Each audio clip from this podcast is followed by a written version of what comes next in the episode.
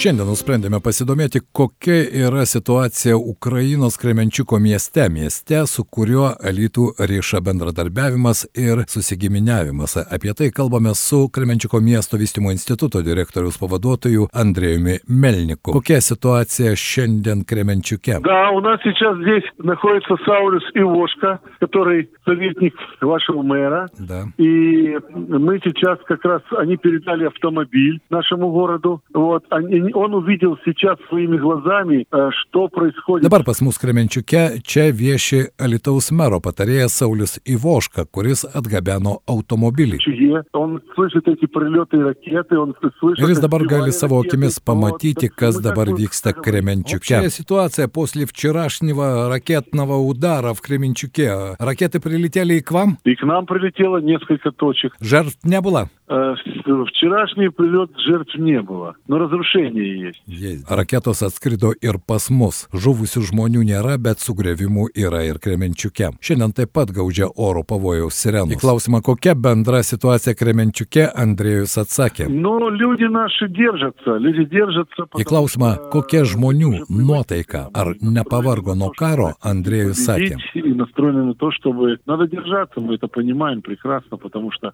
каких-то возмущений или там нет. Žmonės jau priprato prie karo ir visi nusiteikia nugalėti ir tai yra svarbiausia. Сегодня господин Саулюс Ивошко встречался с мэром, с э, начальником те- территориальной обороны, передали автомобиль городу. Вот. Мы также встречались э, вот сейчас в картинной галерее. Вот. И будем сейчас с Союзом художников встречаться э, по поводу выставки, которую мы будем проводить. Tačiau netgi ir karo metu mes norime, kad mes galėtume keistis kultūra ir todėl Saulis Ivoška į Alytų parveš Kremenčiuko dailininkų darbus, kurie bus atspausti Alytuje, bus rengta paroda, na o vėliau tie darbai bus padovanoti Alytaus mokykloms. Ta pati padarysime ir su Alytaus dailininkais, kurių darbai atkeliaus į Kremenčiuką ir po parodos taip pat bus padalinti Kremenčiuko mokykloms, sakė Andrei которые Melnik. будут переданы учебным заведениям вашего города от имени наших художников. Привет. Такой же э, точно проект мы осуществим и наоборот. То есть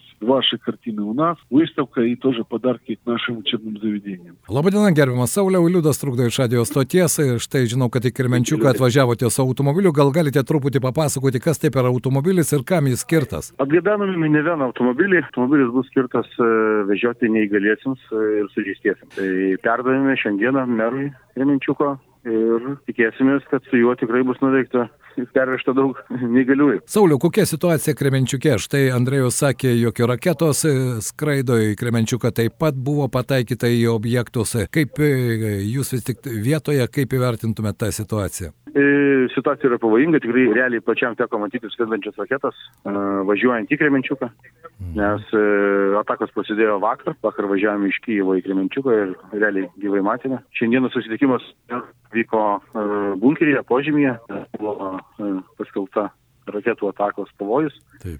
Dėl to visą susitikimą teko praleisti bunkeryje, vėliau aišku, praėjus pavojui, palikome bunkerio patalpas.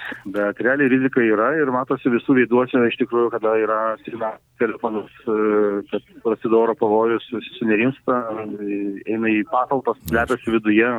Tai situacija tikrai yra įtempta. Kaip Sauliau vis tik buvote Kijeve dabar Kremenčiuke, kaip žmonės jaučiasi, tenka bendraujantį su vairiais žmonėmis, vis dėlto nuovargis, karas, kaip ten bebūtų, o čia dar skraidančios raketos, kaip jūs galėtumėte apibūdinti tą atmosferą? Dėja, bet gyvenimas tęsiasi, žmonės gyvena savo gyvenimą. Mhm. Tikrai jaučiasi, kad priprato prie e, karo padėties, prie karo situacijos. A, Tam tikrų įgūdžių slėptis save reikia, kad neižvelgsi e, didelės baimės, bet vieną kartą sako, kad tada aš jiems sakau, labai norime, kad pasibaigtų karas, jie sako, mes beprotiškai norime, kad tas laikų greičiau pasibaigtų. Radio stočia FM99 pasakojo Alitaus miesto mero patarėjas Saulis Ivoška iš Kremenčiuko.